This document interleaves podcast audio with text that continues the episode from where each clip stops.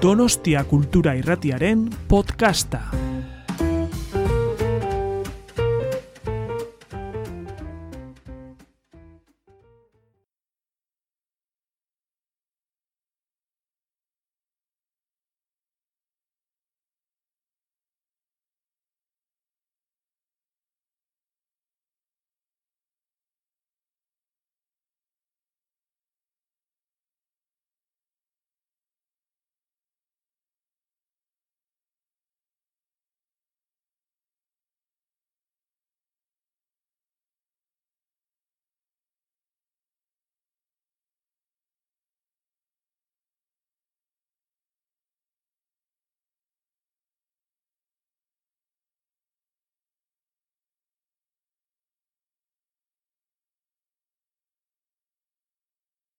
Es una gozada ver la sala totalmente llena para hablar de cine.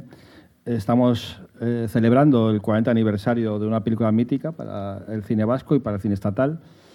Eh, y estamos aquí con personas que, que son los promotores de, aquel, de, aquella película tan loca que, que hoy en día a, a mí me, me, me, deja alucinado lo que se pudiera hacer y yo creo que, que, merece una reflexión profunda porque yo creo que todavía no tiene mucho que hablarse. ¿no? Y tenemos a, a Maya Zubiría, eh, que fue la compositora de la película, que, que, yo estoy alucinado, porque he hecho un estudio sobre, sobre me parece que es la primera compositora eh, del cine vasco, o sea, creo que no he visto ninguna más, o sea, o sea, eres pionera, o sea, ahora que estamos hablando un poco del tema femenino, pues ella realmente es pionera, o sea, eh, aunque viene, viene de, de, de, inicialmente del canto, uh, la, la, meten en este lío de, hacer cine y luego se engancha y, y termina haciendo unas cinco películas, ¿no? películas conocidas como, como Sergati Pampós, eh, André Tayul, eh, Loraldia, eh, Santa Cruz del Guerrillero. Eh, y bueno, eh, la verdad que nos va a contar, me parece muy interesante cómo, cómo arranca y cómo le, cómo le meten en este lío. Y bueno, y Manol eh, no hay que presentarle, yo creo que todo el mundo que, que le gusta el cine sabe quién es Imanol Uribe.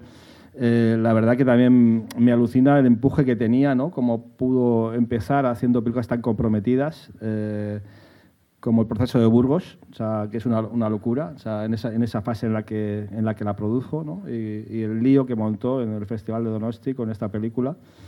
Pero luego se, sigue, se le sigue gustando el, el, tema de la polémica y se mete en la fuga de Segovia también en una cosa completamente enloquecida con porque también he de contar que, que es que todos eran súper jóvenes, súper jóvenes y, y, y, soportar eh, aquella presión con esa juventud me parece envidiable. Y lo que no decir de, del productor Ángel Amigo, que, que, arranca con esta película sin tener ningún conocimiento de, de, la producción. O sea, con una edad eh, es súper joven cuando produce la película y encima lo que es increíble, eh, que una persona que ha vivido eh, la situación de haber sido presidiario en la fuga eh, termine escribiendo un libro, o sea, que finalmente adaptan los dos, y encima eh, produzca la película. Yo creo que tampoco es un caso inédito eh, en la historia del cine. Eh, pues nada, vamos a hablar de la fuga. Eh, a mí me gustaría que, que me contarais un poco eh, cómo nace la película y, y, cómo de alguna manera arrancáis. Que decía que eh, para entrenarnos un poco en Hollywood, que siempre cuando empiezan ahí a recordar a, a su padre, a su madre, al perro, a la segra, cuando, los, los, cuando les dan el premio, pues aquí lo mismo. Tengo que empezar a agradecer fundamentalmente a a Carlos, que fue al que le pegué el embolado de montar esta exposición. Estaba yo una convaleciente de, en la residencia y le llamé, le dije que quiere hacer el 40 aniversario. A ponlo en marcha. Y bueno, pues habrá que lo ha hecho un trabajo excelente, magnífico, en poco tiempo. Un marrón, porque localizar a tanta gente después de 40 años pues no era fácil, así que habrá que nombrarlo productor honorario de la, de la fuga también, por apuntarse tan frescamente a la, a, a la movida esta. ¿no? Bueno, pues ya lo os he explicado ahí un poco, lo estoy soltando ahora en la prensa, en la radio, en todas partes, que esto realmente, el arranque de todo esto es la consecuencia de varios acontecimientos previos que ocurren, que uno es la... que unos cuantos hicimos toda una serie de fechorías como para que nos pagaran la estancia en Segovia y de allí pues se, se tomó la decisión de excavar dos túneles, se hicieron, al final el segundo más o menos salió. Y, y, y, y a, partir de luego, una, una vez producida la, la, fuga como tal, como acabó como acabó, y vino luego la amnistía, salimos a la calle, bueno, cada uno volvió a, sus, a su... Hostia. Su, cada uno volvió un poco a su oficio, yo era periodista, pues escribí un libro con la, con la experiencia de la, de la fuga, que lo leyó Imanol, y le gustó por lo que me dijo, si no me engañó. Eh, vino un día a verme a la revista y me dijo que le había gustado mucho el libro, que le gustaría hacer una película con, la, con, con esa historia, que a ver si le podía colaborar con él, con el guion. Y dije, mira, si no tengo ni idea ni de producir, ni de escribir, ni de nada. Y bueno, en todo caso, llegamos a, al acuerdo de, de, trabajar. Y Manuel no se acuerda, pero es mi, mi primer sueldo en cine. 60.000 pesetas para hacer el guion que se las pediste a tu padre, que no sé si igual se acuerda todavía, que fue debe ser un trauma pedirle a tu padre dinero para el cine, debió ser dramático. y bueno, me encerré en la casa de en, ahí en el caserío Goenaga, donde está la, la, Juani, tenía una casita ahí en el pueblo, y estuve un mes encerrado escribiendo, bueno, lo iba pasando, íbamos corrigiendo. Eh, yo no tenía, o sea, de lenguaje cinematográfico eso no, porque Manolo sí se veía que era como decían algunos, no sé, no sé, si con buena o mala intención, que eras un animal cinematográfico. Y dije, sí, pues efectivamente estabas volcado y centrado en el tema del, cine, venías de Madrid, de la escuela de cine, con toda, toda esa mística de revolucionar el cine. Y recuerdo que conseguí eh, un par de, guiones en los que me basé un poco por la técnica y esto, que eran ni más ni menos que eh, la batalla de, de, Argel, de, de Argel, de Gilo Pontecorvo, que me pareció una, una aborda, abordar una realidad con un tono documental que luego sí le dimos al, a la fuga muy, muy descriptivo y muy detallado. Y luego tenía otro, casualmente, por Miguel Ángel Bermejo, que fue director de producción en La fuga de Segovia, que había trabajado en la película de Orson Welles, Campanadas a Medianoche, y me regaló un guion que, que no me lo, me lo perdonaré jamás, que se perdió en alguna, algún traslado de oficina, que era el guion que utilizaron en Campanadas a Medianoche y tenía anotaciones y dibujos de Orson Welles con los decorados. Y lo perdí. En la filmoteca creo que me quieren matar, pero bueno. Entonces, eh, pues por aquello vi un poco la, la técnica, digamos, de, de, la... Y luego, sobre todo, lo que hice fue reproducir lo que tenía en la memoria, en lo que había visto. Es decir, era, era describirlo como era, que creo que vino luego bien para el rodaje, porque era una ayuda hasta para la puesta en escena de muchos momentos. Tenía allí la... la cómo, cómo había sido en realidad la, y, y, me metí con aquello. Y bueno, hice un guion de 10.000 kilómetros cuadrados, de 200 y pico secuencias, que se rodaron casi todas. Hubo 60 que se quedaron sin montar, pero bueno, mejor que sobrara que no, que no faltara. Y fue un trabajo, pues para mí muy interesante, yo no conocía nada de eso.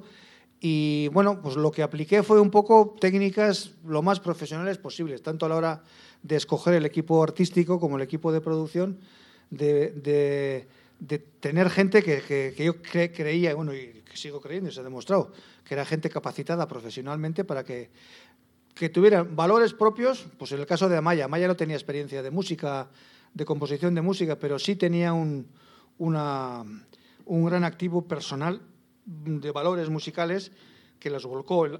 Cada uno luego hizo lo que pudo con cuando se enfrentó, pues como Imanol, desde el primer día pues dice, ¿ahora qué hago que yo? Pues aplicar técnicas convencionales de...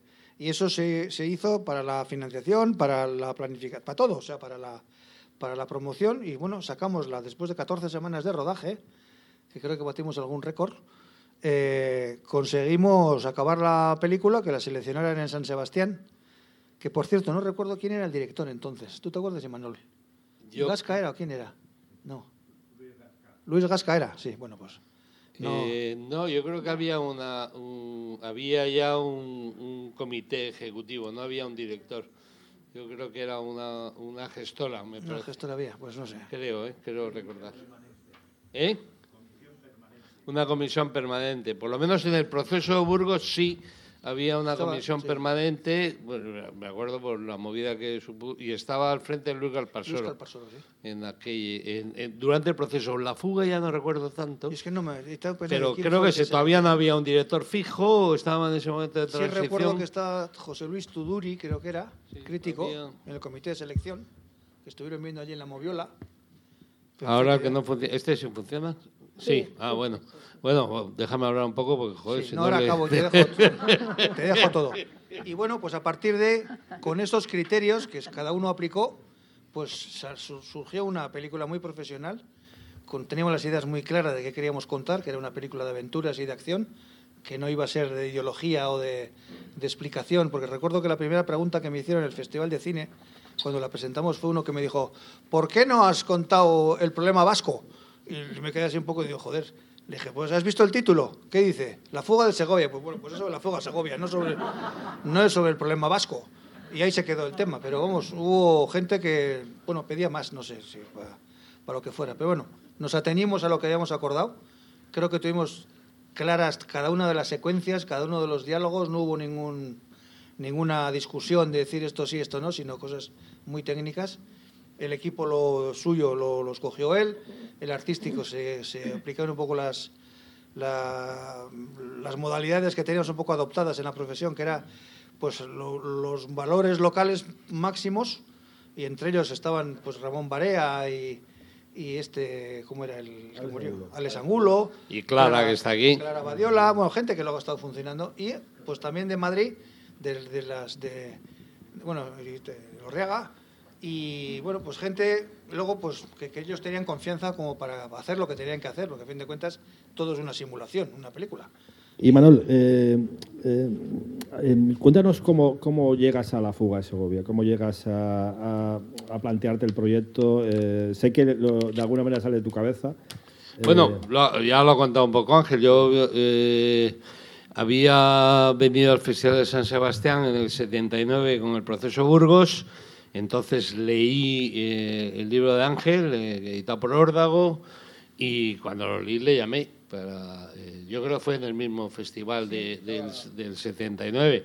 Le llamé para decirle, joder, pasa una cosa, bueno, me, ha pasado a lo largo de, mi carrera y le pasa a todo el mundo, ¿no? Una vez que acabas una película, entras en crisis y el, tema trascendental es ¿y ahora qué, qué hago? ¿Qué, qué es lo siguiente que voy a hacer, no?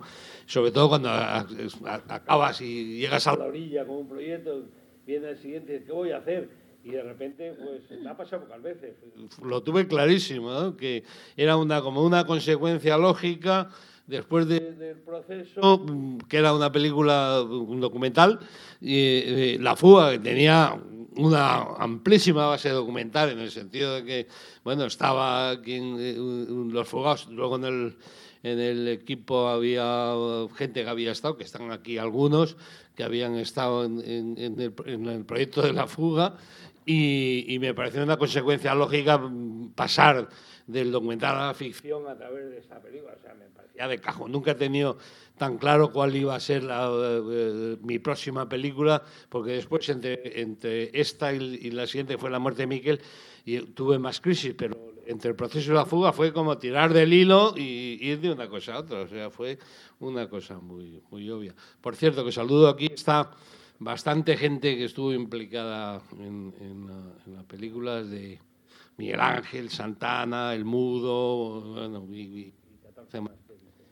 Y, y, Manuel, hay una, una cosa que me sorprende, eh, que yo creo que es un acierto, ¿no? El hecho de combinar eh, tu mundo profesional de Madrid, ¿no? Que lo que habías estudiado tú en la Escuela de Cine de Madrid, con el mundo local. O sea, no sé cómo lo hicisteis. eh, yo veo muchísima gente que es su primera obra, como Amaya. Eh, hay actores míticos del cine vasco que se formaron con vosotros y me parece que bueno fue una apuesta por tu parte.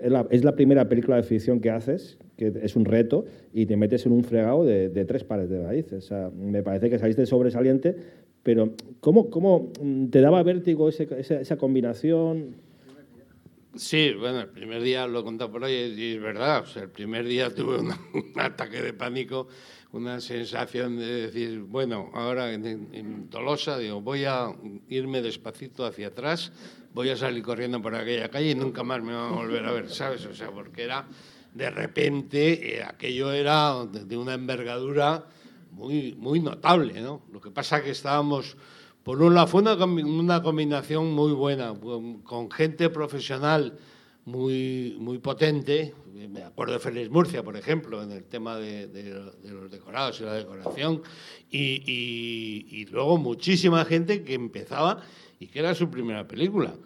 O sea, ahora acabo de rodar una película que está rodando en Colombia y resulta que el director de producción de la película, Iñaki Ross, era. Te encuentras con el paso del tiempo como para casi todos fue nuestra primera película, joder, pues la tienes muy identificada. Bueno, y fue además un rodaje de 14 semanas que he visto ahora es absolutamente atípico.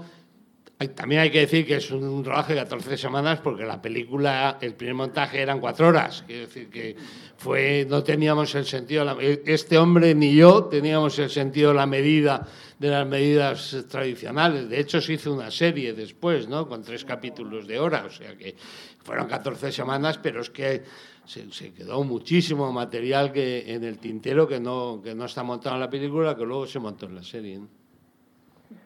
Amaya, eh, cuéntanos un poco cómo, cómo te introducen en el proyecto y si, si tenías el mismo vértigo que, que ellos.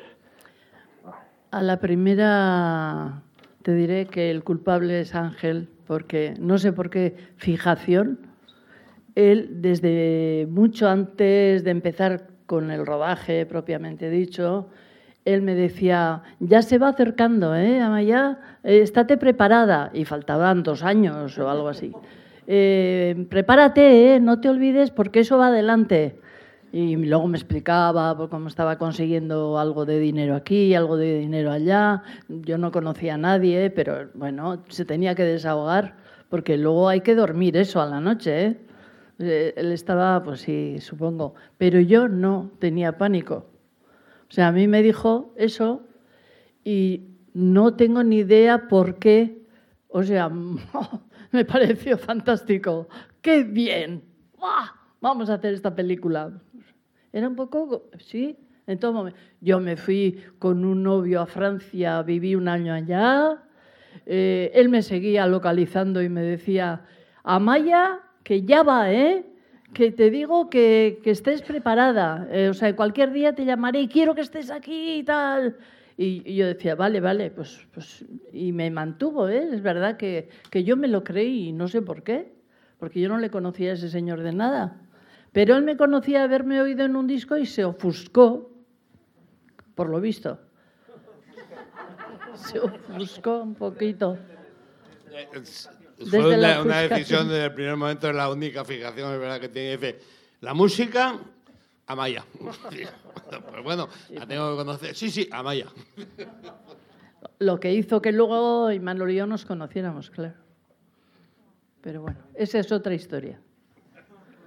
Así que, ¿cómo, eran las preguntas? Eran dos. Te contestaba las dos, ¿no? Sí. Bueno, muy bien. Pero eh, hay, hay, un hecho que me, eres muy jóvenes cuando se produce la fuga de Segovia, digo, lo que es el, el, tema de, de, la cárcel. Eh, realmente, Ángel, yo creo que entras con 20 años ¿no? a, la cárcel. Con 20 años. Fijaros, para que, veáis un poco la dimensión de lo que estamos hablando. Eh, Uribe yo creo que tiene 26 cuando sucede lo de la cárcel. No, no, no, cuando sucede la, la fuga. Sí, yo creo que 26 años, ¿no? Y tú, y tú, eres un poco más mayor, pero tampoco andabas muy, muy alejada. Yo tengo uno más que este señor, ¿eh? Por eso, no, por eso digo que estabas por ahí. Entonces, ah, eh, me gustaría saber eh, si, si ese contexto fue tan significativo a nivel social como para marcaros tanto a todos a la hora de que, bueno, imagino que Ángel que lo vivió, eh, de alguna manera sí le marcó, pero yo no sé, me gustaría saber realmente qué, qué, es lo que sucedía a nivel social para que realmente os, os, tirara tanto a hacer un proyecto de esta dimensión, porque hacer una fuga, o sea, un rollo de fuga en España, me parece, y además desde el punto de vista de la situación política en la que vivíamos en aquel momento, me parece una cosa completamente de locos. Entonces, no sé. Yo, bueno, yo creo que se dieron, como siempre pasa en este un cúmulo de circunstancias, ¿no? De, de todo tipo que coincidimos. Además, un, había un caldo cultivo para empezar, sí, para empezar a rodar aquí, había una voluntad. Estaba empezando ETV en aquel momento. Eh, había de repente, joder, se puede hacer cine desde aquí. Yo había hecho el proceso de Burgos y ya me había quedado, bueno, cuando, cuando vine el 6 de enero del 81, que me esperaba Miguel Ángel en la estación, Bermejo, yo creo que ya no volví a Madrid, ya me dejé de vivir en Madrid, me, me quedé a vivir aquí y había una voluntad de trabajar. Yo creo que coincidimos mucha gente en esa, en esa onda, ¿no? de, de intentar hacer cine desde aquí. Ya te digo que y nuestra referencia en aquel momento, decir, vamos a hacer algo como referente, era la fuga de Alcatraz. En aquel momento estaba de moda la, la, fuga de Alcatraz de Clint Eastwood, decía, vamos a, hay, que, hay que hacer algo parecido, ¿no? una película de género. Carlos y se parece más a la Gran Evasión. De, hecho, a Imanol le he oído hablar de la Gran Evasión. O sea, no sé si la tendrías en la cabeza, pero bueno, al final no deja ser parecida, por un grupo, el fracaso final, entre comillas. Vale, a ver. Bueno, Tú avísame. Ah, estáis grabando. Bueno, pues si queréis repito, que no sé lo que he dicho, como siempre. Y lo que sí había era un entorno eh, que empujaba, es decir, como que la gente entendía que se fuera a hacer eso y como un, se lo tomó como un reto. Eh, porque cada vez que pedimos ayuda, tanto financiera como, como física, de que nos dejaran vehículos o espacios o negociábamos eh, alquileres, como el, colegio de los escolapios, cosas estas, como que había un impulso y que la gente estaba, mm, lo transmitía y decía, bueno, vale, de acuerdo, estamos, esto es un reto para todos y a ver si lo, si lo hacemos. Y luego, claro, tenían enfrente una banda locos lanzados, estábamos, porque era una cosa que no, no nos cuestionábamos en ningún momento. Y bueno, pues esa cosa, que el atractivo que tiene el mundo del cine, que piensan que, que es eh, especial, bueno, que lo es, y el tema, que estaba muy reciente, porque rodamos la película a los cuatro o cinco años de la, de la fuga real y fue muy impactante porque todo el mundo se acuerda de la radio cuando nos iban cogiendo uno por uno lo que sufrieron. Se lo pasaron peor la gente que oía la radio que nosotros. Y, efectivamente, tanto en las instituciones también, hasta los políticos, todo el mundo mm, mm, entraba bien en el impulso ese de añadirle un plus de. Pero había un poco de guasa también en algunos momentos, porque yo he recibido, recibí en aquel momento un comentario al que no le hice caso y que, bueno, aparentemente, pero que decía, pero ¿para qué van a contar eso si los pillaron a todos? Menos a tres. una, una, combinación, yo creo que fue muy, que surgió así, que es que era la combinación de los veteranos, eh, de, que habían, bueno, veteranos, había muchos veteranos, yo no era veterano, solo había hecho una película, pero veteranos, estoy hablando de los jefes de equipo, hablo de maquillaje, vestuario, decoración, etcétera, con mm, tenían ayudantes de aquí y, auxiliares de aquí, o sea, era la combinación entre, gente y actores lo mismo, ¿no? Gente de, ya con una cierta tradición y gente nueva. Y esa combinación, joder, de repente le dio aquello, lo, lo potenció muchísimo, ¿no? Pero realmente, realmente inventáis el cine vasco, o sea, con esta combinación. Es decir, que realmente. Bueno, eh, una fórmula de hacer. El cine vasco que conocíamos hasta la fecha era un cine hecho desde Madrid. Y, bueno, eh, estaba, había antecedentes, ¿eh? estaba La Ruquer con Amalur, etcétera. Sí, sí, bueno, bueno, sí, digo del cine moderno vasco. ¿eh? No inventamos, pusimos en marcha un modelo mm. financiero con, con la fórmula del gobierno vasco, el gobierno central, ETB, eh, con unas características de contratación, de de toda una serie de técnicos locales y de, en la línea que expliqué, bueno, que, se, estimulaban mutuamente, ¿no? Y eso sí, a partir de siempre ha sido la, la combinación esa de locales y veteranos que, que, les gustaba a todos, a unos porque venían enseñando y otros porque estaban aprendiendo. Y funcionó, yo creo que funcionó y ahí después, porque es una fórmula que nunca se ha, se ha dejado. Siempre hay figuras señeras o en montaje o en, en música o en dirección o que sea, en fotografía, que se han incrustado en los equipos locales y le han dado una, le dieron un nivel de profesionalidad y de, calidad que si no, pues o, en plan a lo bestia todos locales, que no hubiera funcionado, o con todos los de fuera, que no es lo mismo, no porque fueran de fuera y fueran tontos, sino que no transmites, la, no captas tanto la fuerza del, del rodaje, con el, con el añadido en este caso del pelotón de la Guardia Civil que tenía yo allí a mis órdenes en, el, en todo el rodaje, que, que aquello fue también ya venía contando ayer en la radio y todo esto, que realmente no hay antecedentes en Europa, que yo sepa, no sé si en África, pero que dos grupos eh, organizados, estructurados, armados, eh, como era Neta Político Militar y la Guardia Civil, eh, que habíamos estado meses antes a tiros por el monte cuando la fuga, nos pusiéramos de acuerdo para hacer una película. O sea, una cosa, dices, esto lo explicas antes de hacerlo, lo vamos a hacer así. Dice, va, tú estás pirado. Y se hizo así, es decir, que el Ministerio del Interior se, se animó, o sea, el Rosón que estaba entonces, eh, y yo vengo predicando de alguna manera casi ya, porque además que hablar predico, eh, que la, en la historia del rodaje de la fuga es la historia de alguna manera, no se puede eh, explicar ese rodaje ni lo que pasó sin recurrir al, al, proceso de paz que se inició entonces entre el Rosón, el Ministerio Interior, y la Dirección de ETA Político Militar de cara a la disolución de la, de la organización. Eh, sin ese eh, clima previo que se creó, que hay mucho mérito por las dos partes, las dos cabezas, de, acercarse, hablar, buscar la salida, pues bueno, pues cuando Miguel Ángel Bermejo presentó el, permiso para la solicitud para usar armas y uniformes, tuvo la brillante idea, eh, no le ascendí ni le premié, pero bueno, yo creo que merecía hacerlo el 23F por la mañana. De tal manera que si llega a ir, gana Tejero, lo primero que se encuentra encima de la mesa es un sobre con nuestras señas. Y, bueno, afortunadamente no, no nos dieron el permiso y además Rosón, que quería dar señales de, de buena voluntad, de buen rollo con la dirección de esta política militar a la hora de...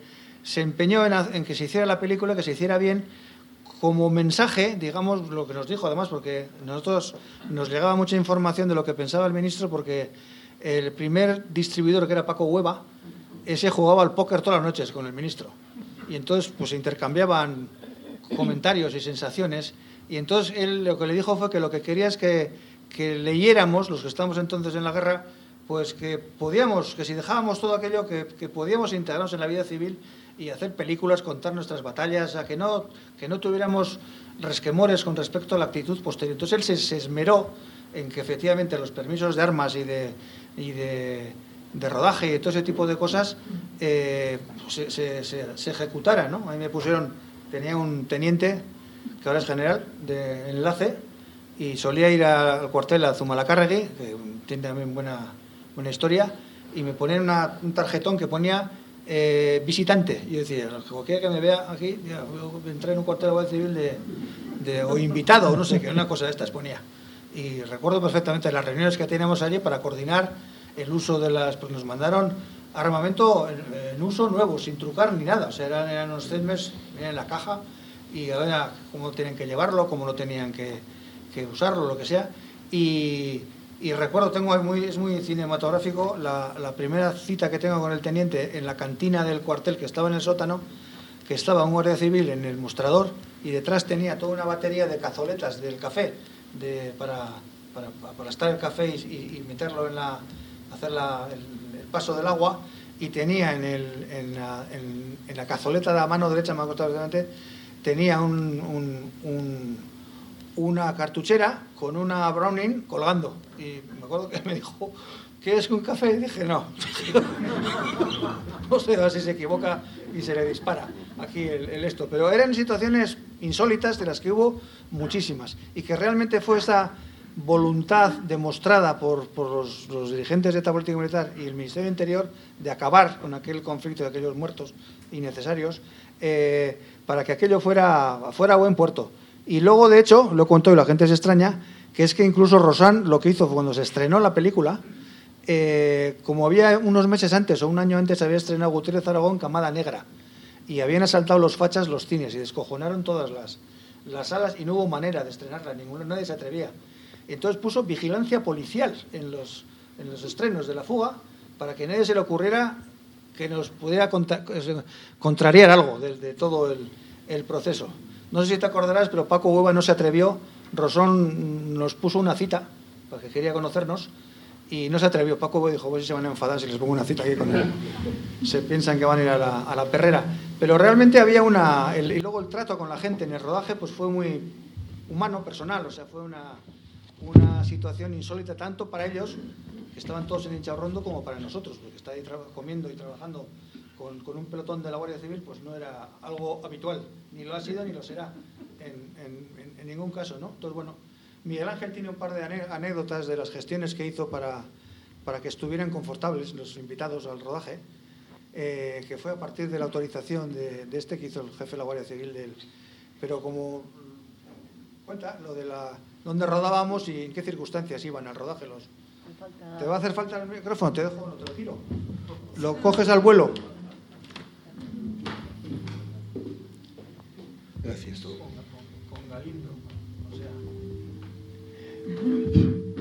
Bueno, el, primer día se presentaron con uniformes, con coches pintados de verde y un poco, aquello era un poco escandaloso porque se presentaron de pronto en Tolosa. con una tanqueta y la, gente se alarmó.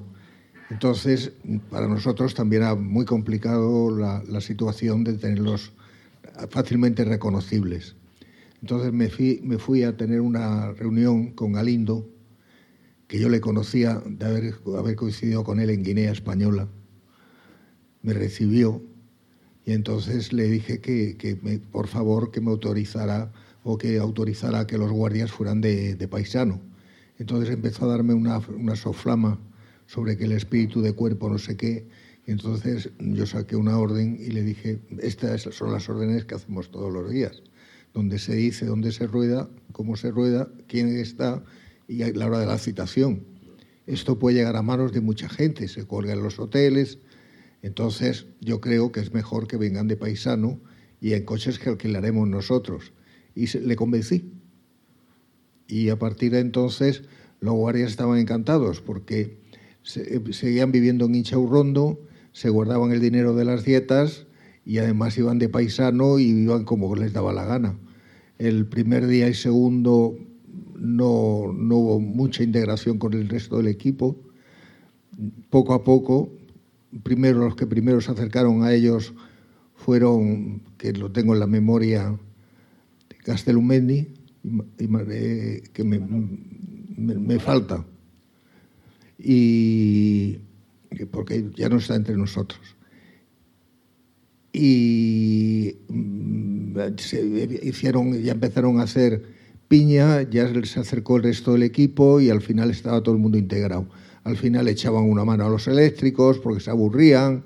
Eh, uno me llevó a mí porque fuimos a rodar a Lesaca y se empeñó el, gobernador civil de, Pamplona de pedir el permiso de rodaje que ya no existían porque fue, que fue una suerte para nosotros fue una época de transición en la que ya no existían los permisos de rodaje, en la que se, se, transfirieron al, al, gobierno vasco las competencias, yo creo que porque eran absurdas y no, no importaban a nadie, como el cine, y, y, yendo, a, yendo, a, yendo a Pamplona con él, conduciéndome un guardia, me dijo, voy yo contigo, que yo voy a conducir más rápido y a mí no, a mí, a mí no me van a parar. Pues bueno, y entonces fuimos hasta Pamplona y en el trayecto me hizo un comentario diciéndome, oye, ¿te puedo hacer una pregunta? Dije, hombre, lo que quieras. Y me dice, es que las dietas que teníamos pendientes no las habéis pagado antes de ayer.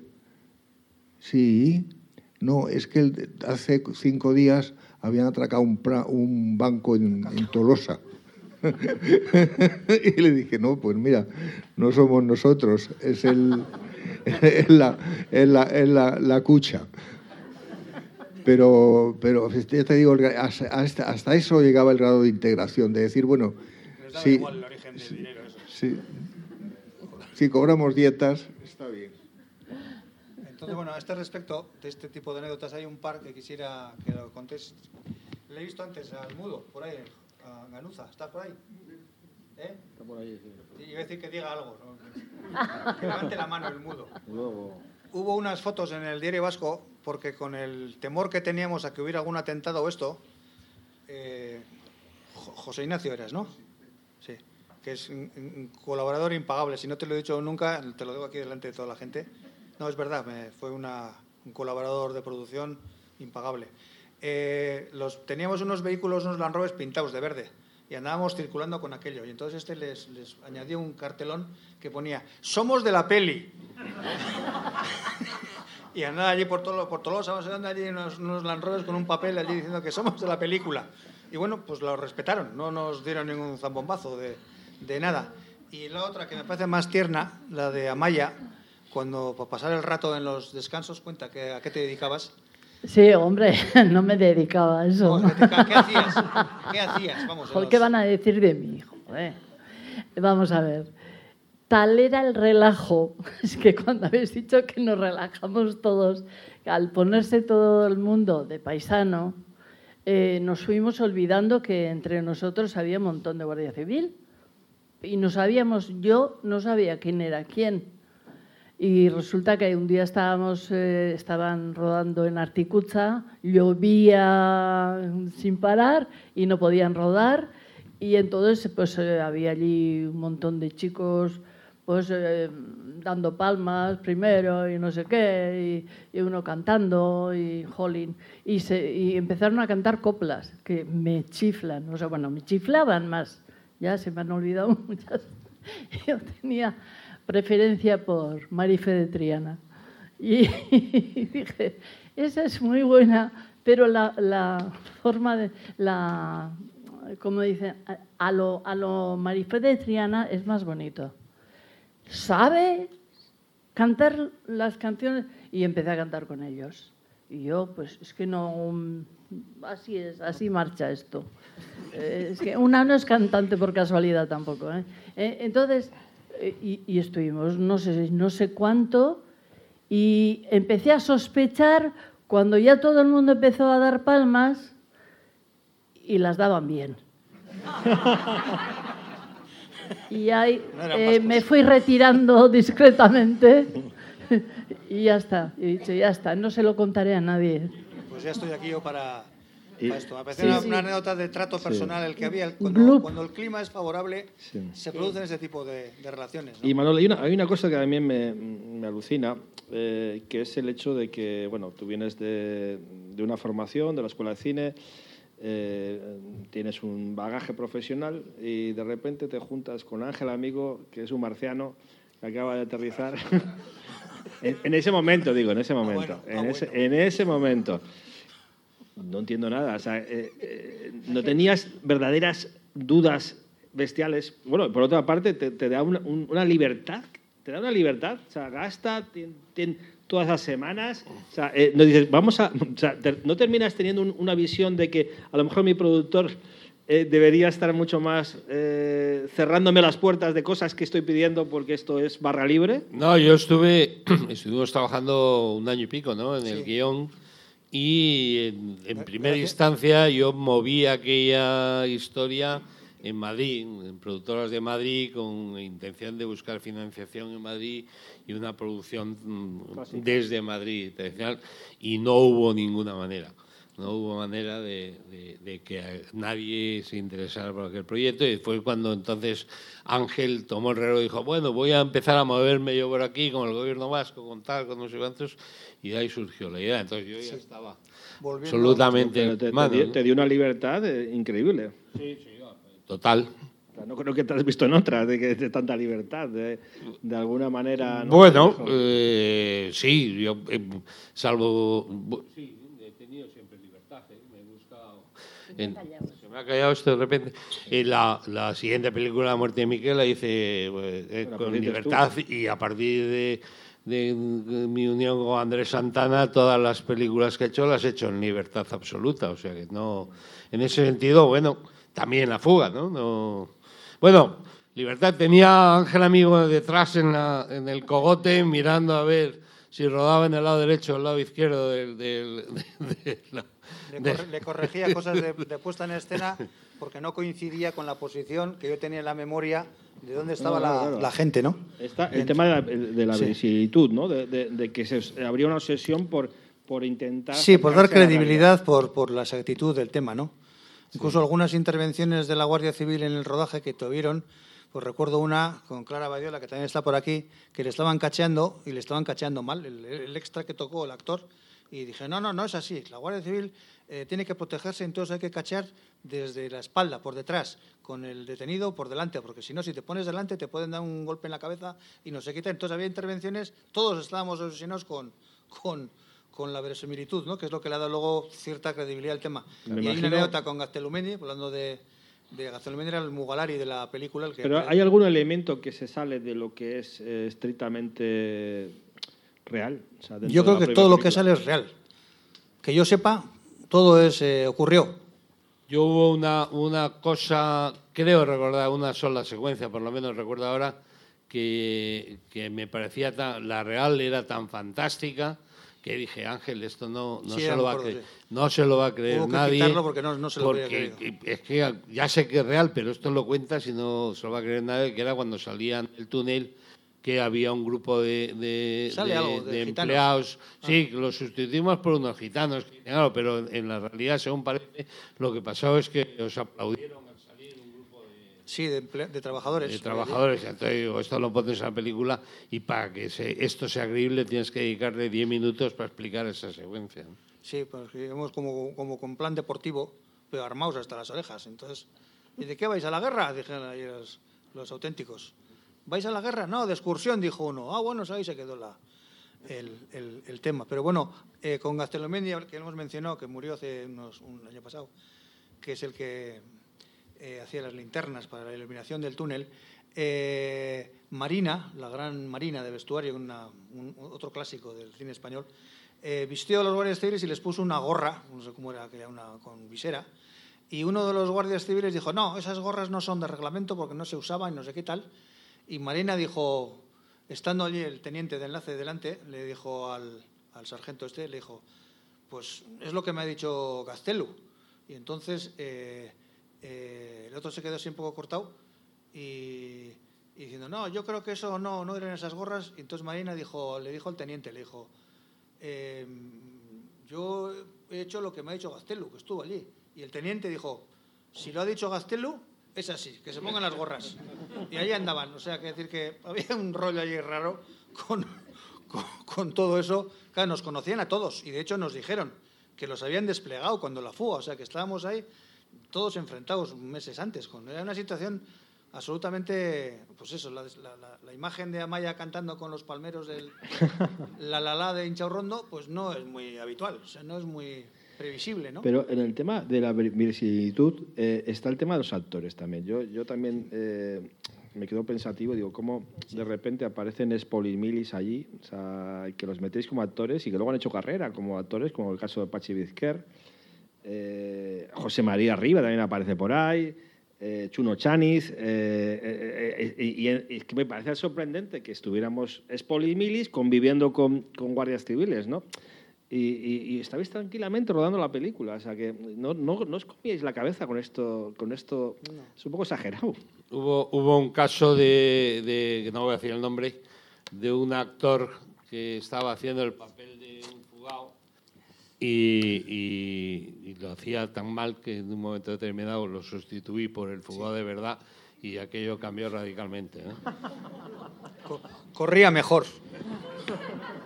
Sí, bueno, luego para el casting hubo, recuerdo otra, otra imagen de esas que te quedan de por vida, que era que estaba Benito Raval comunicando una serie de, candidatos a papelito en, en, la, en esto, en la, la película.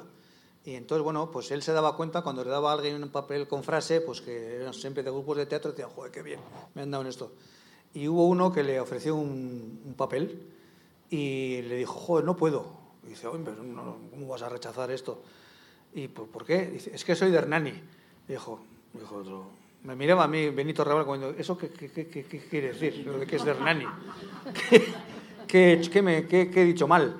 Y entonces luego a otro le dije, bueno, pues me imagino lo que es, pero explícale tú. Dice, no, es que me habéis ofrecido un papel de funcionario, tengo que salir con el uniforme de prisiones y joder, en el pueblo igual me dan de hostias y tal. Digo, bueno, vale, pues dale otra cosa, de, no sé, de cocinero, de algo, de, de- esto. Pero bueno, lo del soy de Hernani, con la cara que ponía Benito Raval, decía, dice, ¿qué, qué Hernani? ¿Qué, qué es eso?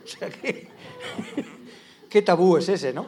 Así que, Yo uno de los recuerdos potentes que tengo de la película es el- la tarde del 23F, que estamos preparando en la oficina de producción de- en el hotel en el que estaba, en el antiguo Hotel María Cristina, y llamaron por teléfono, llamó Isabel desde Victoria, me parece que llamaba, para decirme, y no sé por qué coño cogí yo el teléfono, y estaba todo el equipo ahí trabajando, y Isabel me dijo, oye Manol, que mm, parece que hay un golpe de Estado en el Congreso en Madrid, y yo me volví y dije, dice Isabel que parece que hay un golpe de Estado en Madrid, y de repente desapareció todo el mundo, y nos quedamos Benito Arrabal y yo, nada más, que era el ayudante.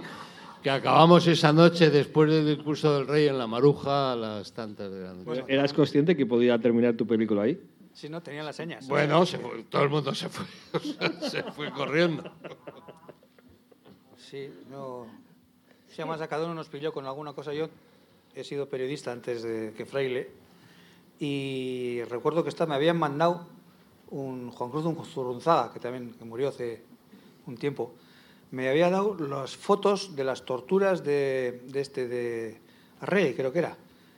Unas fotos terribles para que las repartiera por ahí. Y entonces me pilló en el pasillo, a ti te voy a hablar por teléfono con este, pero a mí me pilló con las fotos en la mano. Y lo que hice fue ir a la caja fuerte del, del, del hotel. Le dije, oye, ¿puedes guardar esto que hay cosas de valor? Y vale, vale, ahí se metieron las fotos y al día siguiente se distribuyeron por todo el mundo. Pero, pero vamos, también como para, que, para, para llevarlas encima. Por cierto, que el director del hotel en aquel momento está aquí hoy, pues me ha saludado ahí. a- ¿Aquí en el acto? Aquí en el acto, anda por ahí, Ah, ¿no? pues. Sí.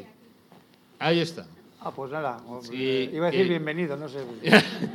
No sé. No, no, es que lo de la experiencia en el hotel fue absolutamente increíble. Eh, La verdad es que Sí, era- fuisteis de una tolerancia El Hotel San extrema. el- porque... el María Cristina. Sí, en el María Sí, Cristina. porque alquilé todo el hotel completo, aquí donde uno de rentería alquilando el hotel completo, con todos los cortinones ahí de terciopelo y de unos sofás y unos sillones. Hacíamos unas reuniones allí que parecía de Visconti aquello. Y, y estos estaban todos felices, eran habitaciones. Luego no funcionaba bien el agua caliente, no, no acababa de, de esto. La vajilla era de plata, que hubo que desapareció casi todo el primer día y hubo que dar un toque. Dije, "Oye, tú, de vuelta, que vamos a ir todos a la perrera. O sea, tuvieron que traer las. Todo el mundo su tetera y su, su esto de, de plata, de artesanía y de no sé qué. Y era todo el hotel ocupado por, por, Por el equipo. por el sí. equipo. Iba a decir por unos terroristas también, sí, por el equipo. Se hacían, se hacían batallas por la noche en, los pasillos y no, fue, Había un bingo allí abajo. fue espectacular. Sí, sí, aquello es una. ¿Cómo lo pasabais, eh? Sí, y luego las- la, la trasnoche era en la Maruja, en el, en el, el pub este que está ahí en San Sebastián. Y, y de hecho acabó eh, Ma- Maruja, la Maruja auténtica, Haciendo un papel. haciendo un papel en la película. Que hace de funcionaria de prisiones, que le hizo mucha ilusión que le trataran así con esa, con esa dignidad. "Bueno, tú de- aquella aquella no dijo soy la Maruja o soy de Hernani, no, o dijo soy gallega, pues no, o sea, rodó muy bien. Y lo hizo muy bien, además, una severidad. Tenía una mujer con una, con una pose severa. Y muy bien, pero vamos, aquello era un ser vivo, aquella película. Entraba y salía la gente como. como vamos. Ah, eh, Amaya, eh, el tema de, de la creación musical, eh, yo no sé, pero yo sé que mm, estabais muy a fuego de que la película se te llegara a San Festival de San Sebastián y no sé si había presión eh, y el montaje se hacía en paralelo, ¿no? O sea, se hacía en paralelo. Eh, Bueno, fue muy bonito eso, además, porque, vamos, yo no he estado más que en ese rodaje, pero he estado todo el tiempo. Y me pareció una cosa maravillosa. Eso sí que un poco de Visconti, ¿eh? O sea, eran unas cosas que veías en las películas italianas así clásicas, pero, pero yo nunca había visto, vamos a ver. Eh, entonces, eh, no sé qué te iba a decir. No, no, te decía, te decía que, como era todo tan express y había un- una Sí, urgencia pero- de entrega, Sí, eh, eh, eh, tú sí. trabajabas ya desde el principio. Ah, Trabajábamos sin imagen, por supuesto, no se había pero- rodado. Eh, llevábamos la música por tiempos, Manol, ya sabíamos el con tiempo. el- con el sonido de la canción. La Sí, las- exactamente, eso quería decir, porque era al revés. O sea, nosotros llevábamos la música, que iba a ser la definitiva, con el tiempo exacto de lo que tenía que durar la escena, y nadie sabía qué música había ahí. Entonces la poníamos y había casos, hubo en dos casos eh, exactamente, que los presos, los de mentiras y los de verdad, lloraban mientras sonaba la música. Fue, bueno, llor- llorábamos todos, ¿eh? porque es como, ¡buah! La de, la- sí. Perdón, es la secuencia esta de la muerte de Chiqui Otagui, ¿no? Sí, sí. Que se hizo, se ha hecho un clásico ya en las referencias. a Guria Keguindú de, de Sempelar, de Sempelar. que, que le hice una, una revisión muy fuerte y que, no sé, el- el- me gustaba, tenía mucho dramatismo, porque se presta a ello y así, y la letra también tiene mucho que ver. Y adecuada a, la historia, me parece a mí, y creo que está también adecuada ahora también. Está, quiero decir, no ha envejecido, me parece. Será amor, ¿eh? yo siento por ese... Pero ahí lloraban los, los que estaban dentro, los que estaban diciendo ha muerto chiquito otra vez, él dirá hasta que eta beste bost. Eta pum, y había un arreglo que le hacía Xavier Lassa, pam, va, vi, iru, va, y así acaba en un grito para adentro. Y aquello era impresionante, impresionante, en pleno monte, o sea, entre árboles, imaginándote, ¿no? estaban los decorados perfectamente puestos, la gente dentro de los decorados y la música, la primera vez que la oían, que la oíamos todos, porque yo la tenía en la cabeza y todo eso, pero nunca la había oído en grande, en estéreo, y, bueno, en un nágara que tenían Vicente y José Luis. ¿Os acordáis de la canción? Hablando de canción, de la canción de moda en el rodaje. La de. ¿Cuál? La de. La que cantaba el equipo en aquel momento. Cantábamos en la cárcel en. No, en el rodaje era Pedro Navaja. Ah, Pedro Navaja. Qué casualidad. Benito Rabar la introdujo en el rodaje y estaba todo el mundo cantando en Pedro Navaja. Ah, pues no me acordaba. Se cantaba mucho aquella que se cantaba en Basauri, los presos, que les hacían cantar a los comunes que la letra venía a decir, la reconoceréis si veis mañana la película, que el texto decía, prometo ser bueno y, honrado. olvidar, el pasado, ser digno de ti, Virgen de la Merced, aunque delincuente también tengo fe. Y era... Esa es la, la boda, la, la pues celebración de la boda. Lo, verosímil, que es lo que se cantaba en la, en la capilla de, de Basauri. Se importó aquella éxito internacional. Eh, la cantábamos continuamente porque era una cosa ah, única. Hablemos de la, elección del casting. O sea, eh, a mí me sorprende ver aquí gente eh, de aquí, del País Vasco, que era su primera película, como Alex Angulo, Ramón Marea, Pachi Vizquer, Paco Sagarzazu, Chema Blasco. Pero luego tenéis actores de talla eh, como Xavier Orreaga, Mario Pardo, Ovidio Monflor, Virginia Matáis. O sea, hay un Santiago Ramos, Guillermo Montesino. O sea, realmente. ¿Cómo, cómo nace este casting? ¿Cómo, cómo lo, o sea, ¿y, qué, ojo tenéis para encontrar esta, esta gente que luego ha hecho una carrera? Eso sí que sí, Manol. O sea, en ese aspecto.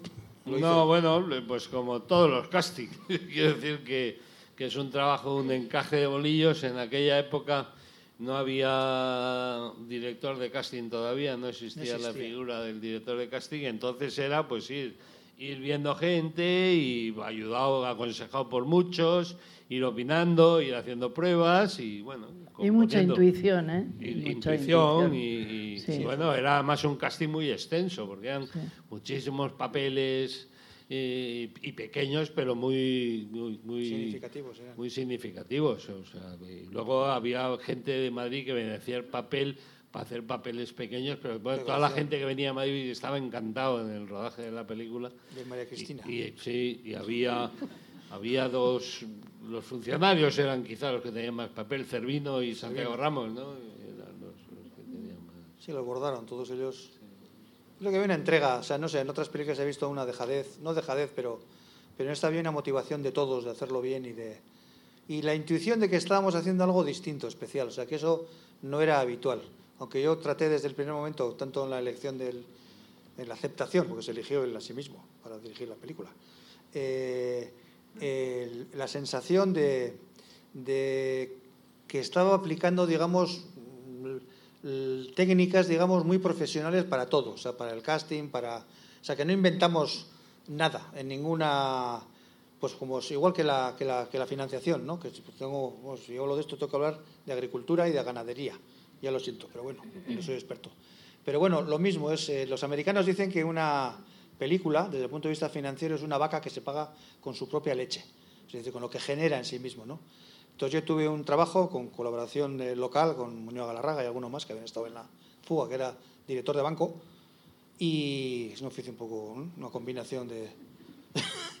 y, por ejemplo, era todo, es decir, al, final, pues hubo, eh, la financiación principal era adelanto de distribución, eh, ventas internacionales, se convenció al gobierno vasco de que tenía que entrar a subvencionar películas.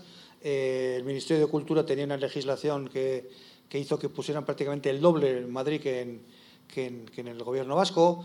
Eh, bueno, pues al final dices, pues, bueno, pues la vaca se ha pagado con su propia leche. O sea, la fuga Pero, se- eh, Ángel, eh, apoyo social existió también, ¿no? Eso facilitó en, en- en algunas áreas la consecución. Hubo otras eh, eh, gestiones que salieron bien económicas, créditos con avales personales. Bueno, el tener ese entorno de apoyo de que estabas haciendo algo que no estabas haciendo, ponías el piso para que para que hiciera una película de, yo qué sé, de montañeros, con perdón de los montañeros. Pero es decir, que, que facilitaba que la gente avalara créditos, que la gente buscara algún dinero que tenían por ahí la guardado. temática ayudaba a que ese apoyo social existiera, ¿no? O sea, la temática era eh, muy querida. Hombre, la temática era muy cercana y muy solidaria ¿no? con, la, con el tema. Y luego yo creo que también la gente veía que estábamos haciendo un trabajo pues muy profesional, o sea, muy serio, que no era, no había desma o que había mucho profesionalismo en, en todo lo que hicimos. ¿no? Yo de hecho intenté te- desde la financiación a la distribución, a la exhibición, a, a las relaciones con Imanol, procurar eh, que todo fuera pues acorde con, con- con algo que, que- que ya está inventado, que es como hacer una película. O sea que, que pues digo que bueno, que al final pues la, la- la vaca se pagó con su propia leche. Agradecer a la gente que con pequeñas cantidades a veces contribuyó a, a desatascar eh, eh, rodajes y de alguna manera, bueno, pues estaban, se veía que los esfuerzos que se les pedía a la gente en ese terreno, que siempre le cuesta más, pues bueno, vieron que, que al final, y luego cuando vieron ya el éxito de la película, pues razón de más, ¿no? No, no ha habido nadie que me haya reprochado, tú que me pediste no sé qué y no sé cuál, vaya mierda hiciste. Y digo, no, no, mira, está. Pero se sienten ¿erais partícipes de- conscientes, ¿erais conscientes de que se iba a convertir en un símbolo social la película? O sea, eh, de hecho, se convirtió, se convirtió en una referencia eh, del ámbito político en, en Euskadi, o sea, más tarde, y todavía sigue existiendo ese tipo de leyendas sobre esa película. O sea, de, de alguna manera dejó de perteneceros y de alguna manera la gente la hizo propia. O sea, ¿erais conscientes de lo que estabais haciendo? ¿O realmente fue casual luego que esto... Bueno, era un salto al vacío de todos por muchas causas. ¿no? Éramos, éramos unos inconscientes, más que Totales, sí. ¿no? Sí que había. Nadie podía imaginar la repercusión. Yo cuando solí ir contigo a la historia y nos quedamos mirando ahí como dos gilipollas el cartel, "N- no hay entradas. Y nos sentíamos los más felices del planeta. Decir, que estaba la gente, veías que, que iba, no es que hubo un día que funcionó, sino en el nuevo festival, estaba la Colas del gente festival, colgando del balcón allí de arriba, del, del- del esto, de los- las plateas, ¿no? Y sí intuías, ya en el rodaje también, por la recepción que tenía cuando ibas a pedir un permiso o colaboración, o la gente que leía el proyecto, que efectivamente entraban con una cierta facilidad, ¿no? Porque que había una receptividad muy positiva, ¿no? Y luego el hecho de que estuvieran ya negociando en el otro lado las, las cuestiones ayudó mucho, porque nos creó un clima favorable a, a todo esto, porque si llega a haber seguido habiendo muertos o habiendo cosas de estas, supongo que hubiese sido distinto, tanto la recepción social como, como el ir a la cucha y decir, "Oye, queremos unos créditos baratos y, y estos son los avales que tenemos y te los daban en un, en un boleo, ¿no? Amaya, en tu caso, eh, el hecho de estar trabajando en la película era un elemento de orgullo, o sea, a nivel, a nivel social, en tu entorno. Era, sí, bueno, no, no sé si la palabra es orgullo, no, no creo. O sea, todavía no había sentido ese orgullo, pero eh, felicidad de poder hacer un trabajo así, porque en ningún momento puse en duda que lo iba a hacer y que iba a ser bello, y que iba a ser bello y que le iba a dar, ahí. que le iba a dar consistencia al tema. añadir- Yo lo creía. Lo otra Sí, cosa la gente es- se veía que estaba contenta y de hecho yo creo que las posibilidades de ligar en la maruja eh, siendo del equipo de la película eran directamente proporcionales a la implicación que tenían. O sea que ser de la película pues era como, hostia, este, pues, pues ligaron muchos, muchísimos. O sea que yo recuerdo. Nos deben unas cuantas La noches. gente, la gente se ligó y ligaron. La, ¿no? Como locos. O sea, los de la película, bueno, aquello era el, vamos, el no más. Hay No otro tema, otro tema que quería, pero, que ¿eh? quería tratar aquí con vosotros es el tema de la censura. O sea, eh, no sé, eh, el franquismo tenía una censura muy, muy férrea. No sé si eso ya se, se, se relajó, eh, pero hay escenas que a mí me, realmente me parecen sorprendentes, como la escena de cuando matan a Auriol, o sea, que es a bocajarro, o sea, y que eso fuera aceptado, mm, me parece increíble. Yo creo que había censura, yo, Yo creo, creo que ya no había, había. desaparecido ya la censura. No había, y además la aquí- censura previa había desaparecido ya. Veníamos con el- la bendición de Rosón, o sea que él, él había leyó el proyecto, le gustó. Era un, cine, un cinéfilo, decir pero, pero, pero estaría descrito que el policía asesina a un... todas- Bueno, pero pues- yo creo que ya había desaparecido la censura. Yo creo que no había censura. No había, o sea, No que, había. Era, que era ya que te denunciaran como pasó luego con Pilar Miró y, Sí. el, y el crimen de Cuenca, etcétera. ¿Eh? Así, ¿eh? Me lo habías ocultado. Sí, sí, Tú mandaste un guion al ministerio trucado, eso sí. Eso sí es verdad, pero no había censura ya, creo. Para quitarle hierro, pero bueno. Pero, pero, pero esa secuencia eh, eh, posiblemente habría guardias civiles ¿no? presentes. ¿No ¿Les pareció normal? ¿No, se- no se rebelaron ante es esa que estaban situación? delante de gente que había estado allí. O sea, cuando dijeron, pues le han pegado el tiro y tal, Gastelu estaba allí. Bueno, la, la reacción del cabo que está con él es una reacción razonable. Baja el arma, quite tal, no sé, o sea, bueno, es Porque eso lo contó Gastelu, es decir, gente que estaba en el momento aquel. Gastelu fue el que le cogió en brazos a, a Oriol. ¿eh? Ángel, el micro. El micro, sí, bueno, que, que, el, que el- estaba el testimonio allí en el rodaje de gente que había estado en el momento de la muerte. De hecho, Gazelu es el que le cogió en brazos a. Sí, yo- yo no pongo en duda que fuera así, Entonces, lo- cuando un guardia civil, si, si lo hubo, decía, oye, eso no sé qué, le dije que estaba yo al lado. Y se callaban, se nos Pero respetaban en cuanto a testimonio. que un, poli- un guardia civil es un asesino. sí entonces- tuve un. Bueno, pues es que lo aceptaron. Bueno, hay uno que, que se le escapa un tiro, tira un tiro, queda ahí. Queda bueno, claro que es lo una, fue. se le ha escapado. Que luego tuvimos las críticas por ponerlo tan suave, que tenías que haber sacado a un tío diciendo así, ¡guau, te mato!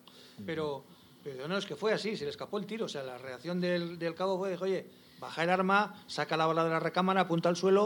O sea, la reacción reglamentaria, digamos, ante... Porque, bueno, estaban ya, habían ganado ya prácticamente la batalla de la fuga. No tenían ninguna necesidad de matar a nadie de, de esto, ¿no? Entonces, bueno, pues yo creo que, que en ese aspecto... ¿Eh?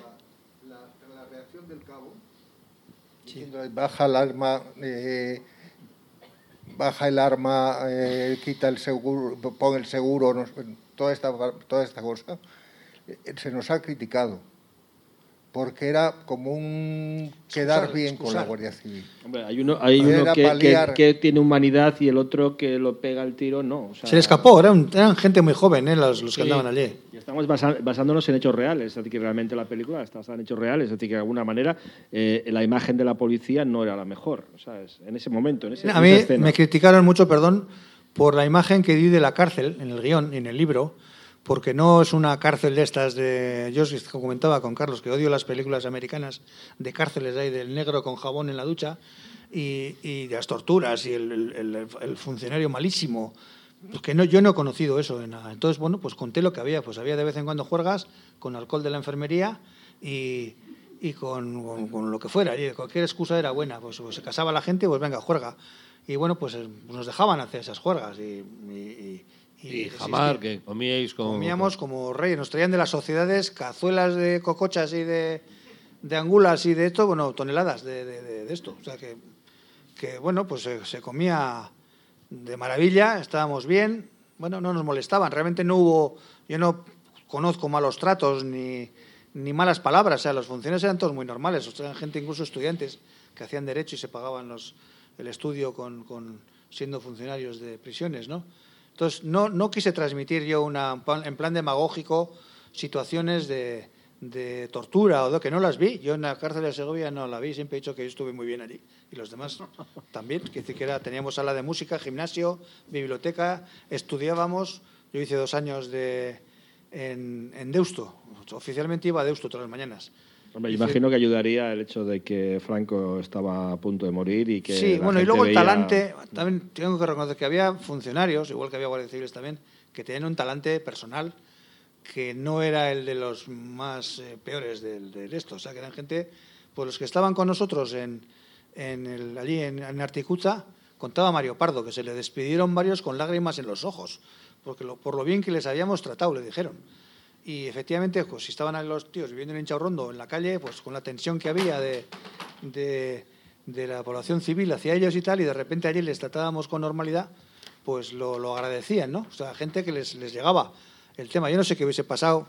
Siempre he dicho que, bueno, hablando un poco del proceso de paz, que ahí se generaron situaciones que podían haber sido un poco el avance de lo que podía haber sido la, la convivencia, ¿no? ¿A partir de qué? Pues de una decisión de unos políticos que eran los, los- los- dirigentes de esta política militar y, y el Ministerio del Interior, de llegar a entendimientos. Entonces, a partir de ahí, como se, era permisible, pues tener un coro de, palmeros de, de hincharrondo. es decir, que, que no, son, no son cosas normales ni habituales, son bonitas incluso, ¿no? humanamente incluso, pues que, es de gente que está buscando una conexión personal fuera de, la tensión de, la lucha. De que los, guardias civiles dicen, no, no, nosotros estuvimos ahí desplegados en la zona de, Burguete y tal, igual, ya, pues yo estuve por ahí también, o sea que a poco nos matamos, ah, pues, jua, jua, jua. Pues bueno, pues, pues, pues, todos juntos allí en y ahí se iban a, la bomba del agua para hacer el agua para la lluvia de la secuencia, a, darle las chas, chas, chas en, la, en esto. O sea que en principio. Eh, vamos, a, vamos a abrir un poco ya de, hacer yo preguntas. Yo creo que hay mucha gente aquí que está muy interesada en cosas que me gustaría preguntar. ¿Puedo una cosa nada más añadir? no hemos dicho nada de las fotos de Jesús, ah, que es la base de. No, no me hagas así, que es verdad, que es la base de esta exposición y que es un trabajo extraordinario. Son unas fotos de de rodaje, yo de todas las películas que he hecho, yo creo que es el mejor trabajo de foto fija. Yo que no era nada fotogénica. Un aplauso, un aplauso.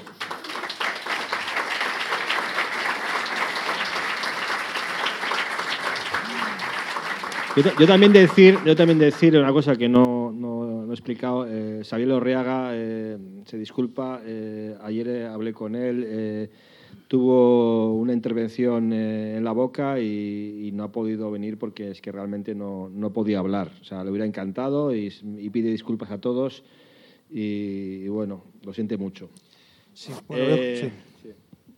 No, que quiere decir que con respecto a las fotos de Uri, que a mí ya sabes que sí me han gustado, eh, que me fueron de una gran utilidad en las gestiones financieras, o cuando iba a hablar con la Valle o con, o con alguien de la distribuidora o lo que sea, para para eh, eh, adelantarme y explicarle qué es lo que estábamos haciendo, la colección de fotos del rodaje daba la idea, que es un poco lo que yo quiero con la exposición de hoy, es decir, que efectivamente allí había un trabajo detrás, una estética, unos criterios, y efectivamente ahí me ayudó mucho para, para, para, endeudarme con, con, la cucha. Pero bueno, que no sé si es muy meritorio eso. Pasemos, pasemos a las preguntas. Eh, nada, levantar la mano y dejamos el micrófono.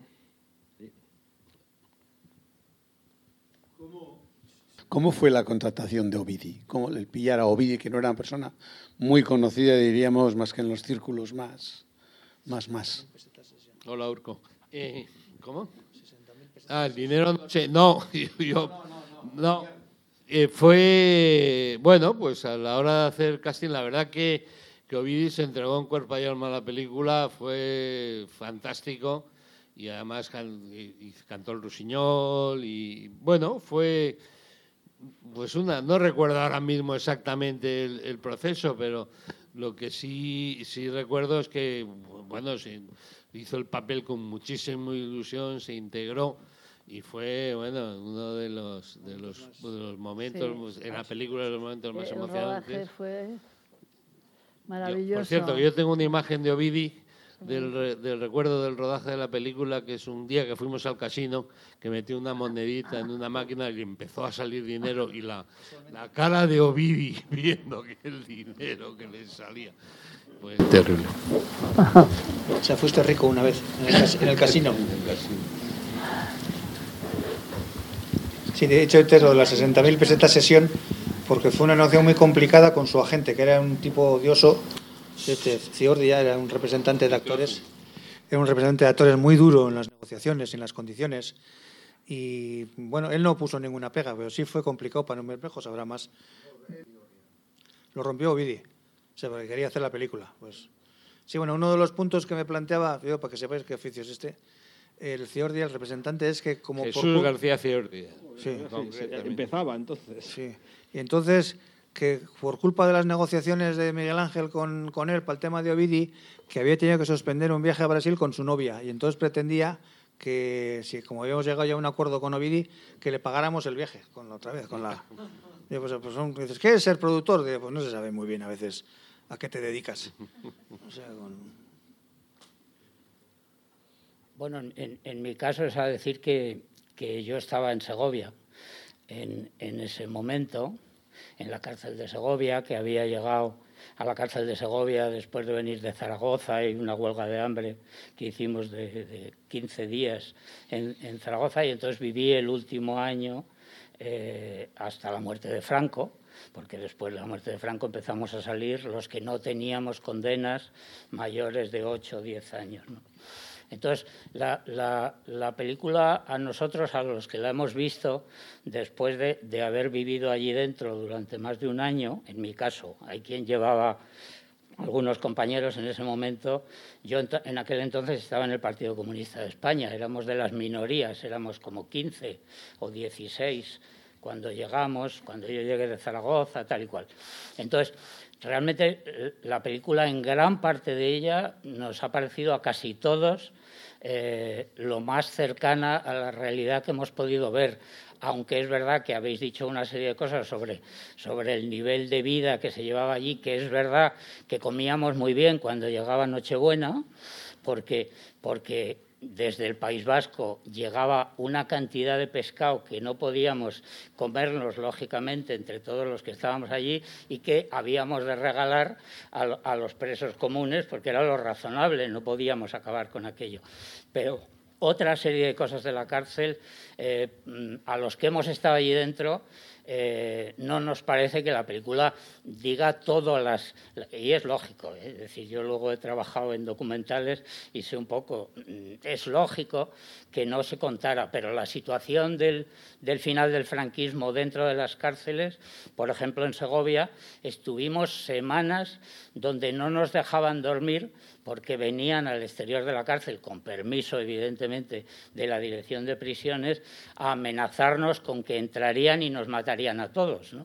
Entonces, ese tipo de cosas se han contado poco, con lo cual, bueno, la situación de la cárcel fue difícil en el periodo ese final, pero es verdad que lo y una cosa que la película narra muy bien, es verdad que, que no fueran capaces de encontrar el zulo de una al, segundo intento de fuga es absolutamente inconcebible en un sistema que vigilara la cárcel. Muchísimos de nosotros, yo era el representante de, mi, partido entonces, eh, en la coordinadora de, presos dentro de la cárcel y, sabíamos exactamente que ya en el primer intento de fuga nos habían metido a todos en celdas de castigo y no fueron capaces de localizar nada de todo lo que había hecho. La película lo cuenta con, absoluta claridad.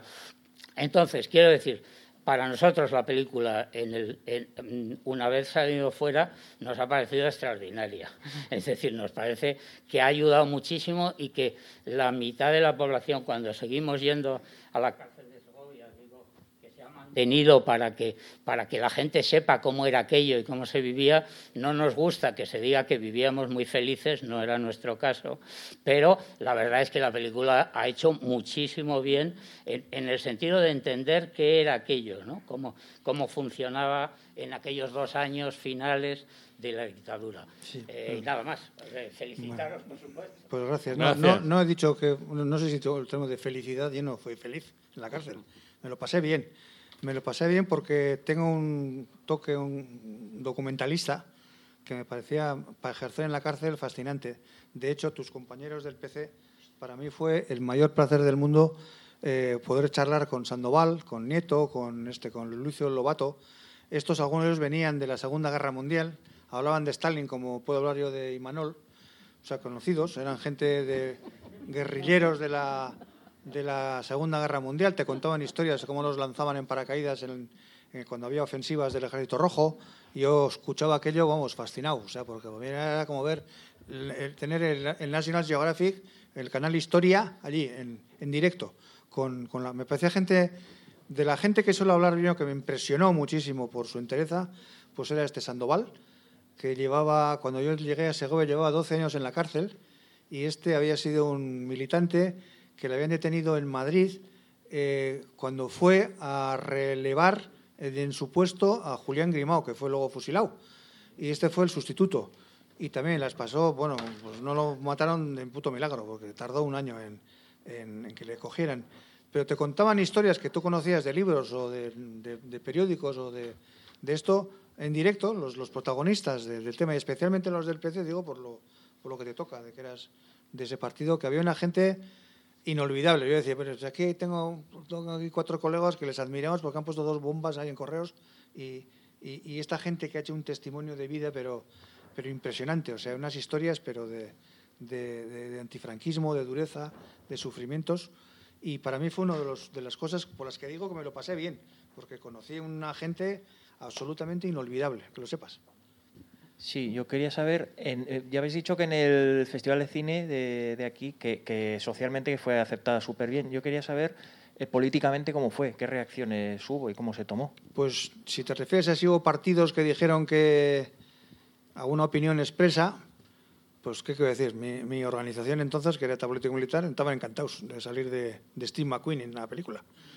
Y bueno, estaba bien y bueno, tuvo una aceptación tremenda, no hubo, como tampoco se habían planteado eh, apoyarla o, el seguimiento que hicieron, el, conseguir un rendimiento político ideológico a base de, algún tipo de discurso o de imagen, por ahí, que no, lo pidieron nunca ni nos lo planteamos.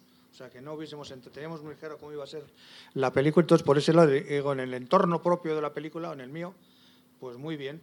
Y luego el, el esto, por otras organizaciones tampoco dijeron, yo no, no recuerdo de de reacciones políticas expresas ni a favor ni en contra del, del rodaje. Sí cuento una anécdota que era la crítica que hizo el, crítico del ABC, que escribió una crítica absolutamente rabiosa contra la película, eh, poniéndola a parir, diciendo que, que joder, que, lo único que le faltaba ya su, con la trayectoria que tenía, que pues debería sido de la edición azul o de alguna cosa de estas, y que, que joder, que estaba tan bien hecha que se había tenido que identificar con, con, esa gente. ¿Por qué no eran de Zimbabue? Decía, si hubiera sido los negros de Zimbabue que se van en la calle, pues más, más fácil identificarse.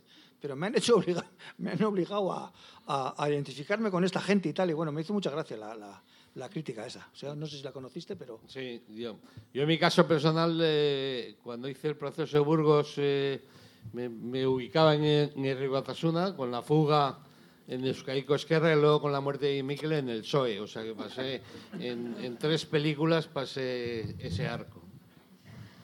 No, no había mucha agudeza en los análisis, en lo que es una película en el fondo, porque tampoco nosotros cuando fuimos a hacer la película, la gente de mi entorno, pues militantes que trabajaron en el, de, todo, de extras o colaborando con, la estructura eh, de producción, no teníamos el objetivo de ajustar cuentas ideológicas, ahora vamos a aprovechar porque dice, bueno, es que la va a ver todo el planeta. Y dice, pues vamos a aprovechar y metemos un par de aquí de cuñas. No, o sea, podría haberse quedado en una esquina en la película. Es decir, que lo que queríamos era que la única manera era conseguir el efecto ABC. Es decir, pues que hubiera una simpatía, un entendimiento de, hacer una lucha, ¿no? que, por sectores lógicamente no la entendían ni la querían, pero que en general pues fue un paso también de, de entendimiento. El rodaje en sí mismo también, como fue, ya lo he dicho antes, yo creo que no se puede entender el proceso de paz sin la lectura del rodaje. Todas las cosas que pasaban en el rodaje era porque se había creado esa, ese clima y ese ambiente. Que la película fue al Festival de Los Ángeles, ¿no? Me parece. Sí, estuvo en Los Ángeles. Por cierto, como anécdota, pues, me gusta contar esas cosas. Por culpa de Miguel Ángel, para mandarla, el ministerio no quería mandarla porque no le gustaba tener esa película representando a España. Y la mandamos en un avión del ejército norteamericano que salió de Torrejón de Ardoz, que tenía aquí el amigo Miguel Ángel tenía un amigo, un sargento panameño, y entonces se la llevamos y la metió por correos, la mandó por correos como paquete express al festival, allí fue la. Pues hay que hacer una película con Miguel Ángel porque estaba con Galindo en Guinea y luego mandando películas con, los americanos. Con el ejército de Irak. Sí, es, verdad, me hizo, a mí me hacía mucha gracia. y me preguntaban nada más el misterio, ¿cómo habéis mandado la Ah, no te puedo decir. Les meten en la cárcel aquí a todos los de la base de Torrejón pero la mandamos con el sello, un paquetito al Festival de Los Ángeles. Y bueno, estuvo en muchos festivales. En el Cairo es donde he visto yo por primera vez en mi vida eh, disolver a porrazos unos garrotes que tenían a las colas que se hicieron en, la, para ver la película, porque se había ya corrido la voz que salía una chica desnuda, una actriz, y, estaban todos los egipcios, todo el delta del Nilo haciendo cola en, la, en, en el tema este. O sea que que fue experiencias que cuando ves cargar a la policía de esa manera a una gente que aguanta la embestida por ver tu película, dices, joder, ¿qué, qué, hemos hecho? O sea que... Ángel, vamos, vamos a tener que ir terminando. Eh, estaríamos ya me callo. Estaría, estaríamos horas hablando sobre la fuga de Segovia. Eh, pero bueno, ya se nos hace ya un poco ya tarde y nada, daros las gracias a Maya y Manuel Ángel. Eh, la exposición está aquí un mes. Eh, la intención es que la exposición. Eh, eh, pues nada, Donostia de la irratiaren Tenemos la podcasta. Mañana en la Filmoteca, donde tendréis a Ángel y a, y a Imanol que van a, a presentarla. Procuraré no repetirme. ¿Eh? Espero que sea menos tiempo. Sí, si No, lo que pasa es que son, si me son unas vivencias de Sí, una sí, intensidad. Amaya, Amaya, Amaya quiere. Sí, no, cerrar. no, es, es- está chorrada. He, he tenido la suerte de ver a un montón de amigas, sobre todo amigas y algún amigo, y eso, que os quiero mucho. ¿eh? Os, os lo tengo que decir porque es que bestela noiz, no la. Es que 40 recasco. Muchas gracias a todos por venir.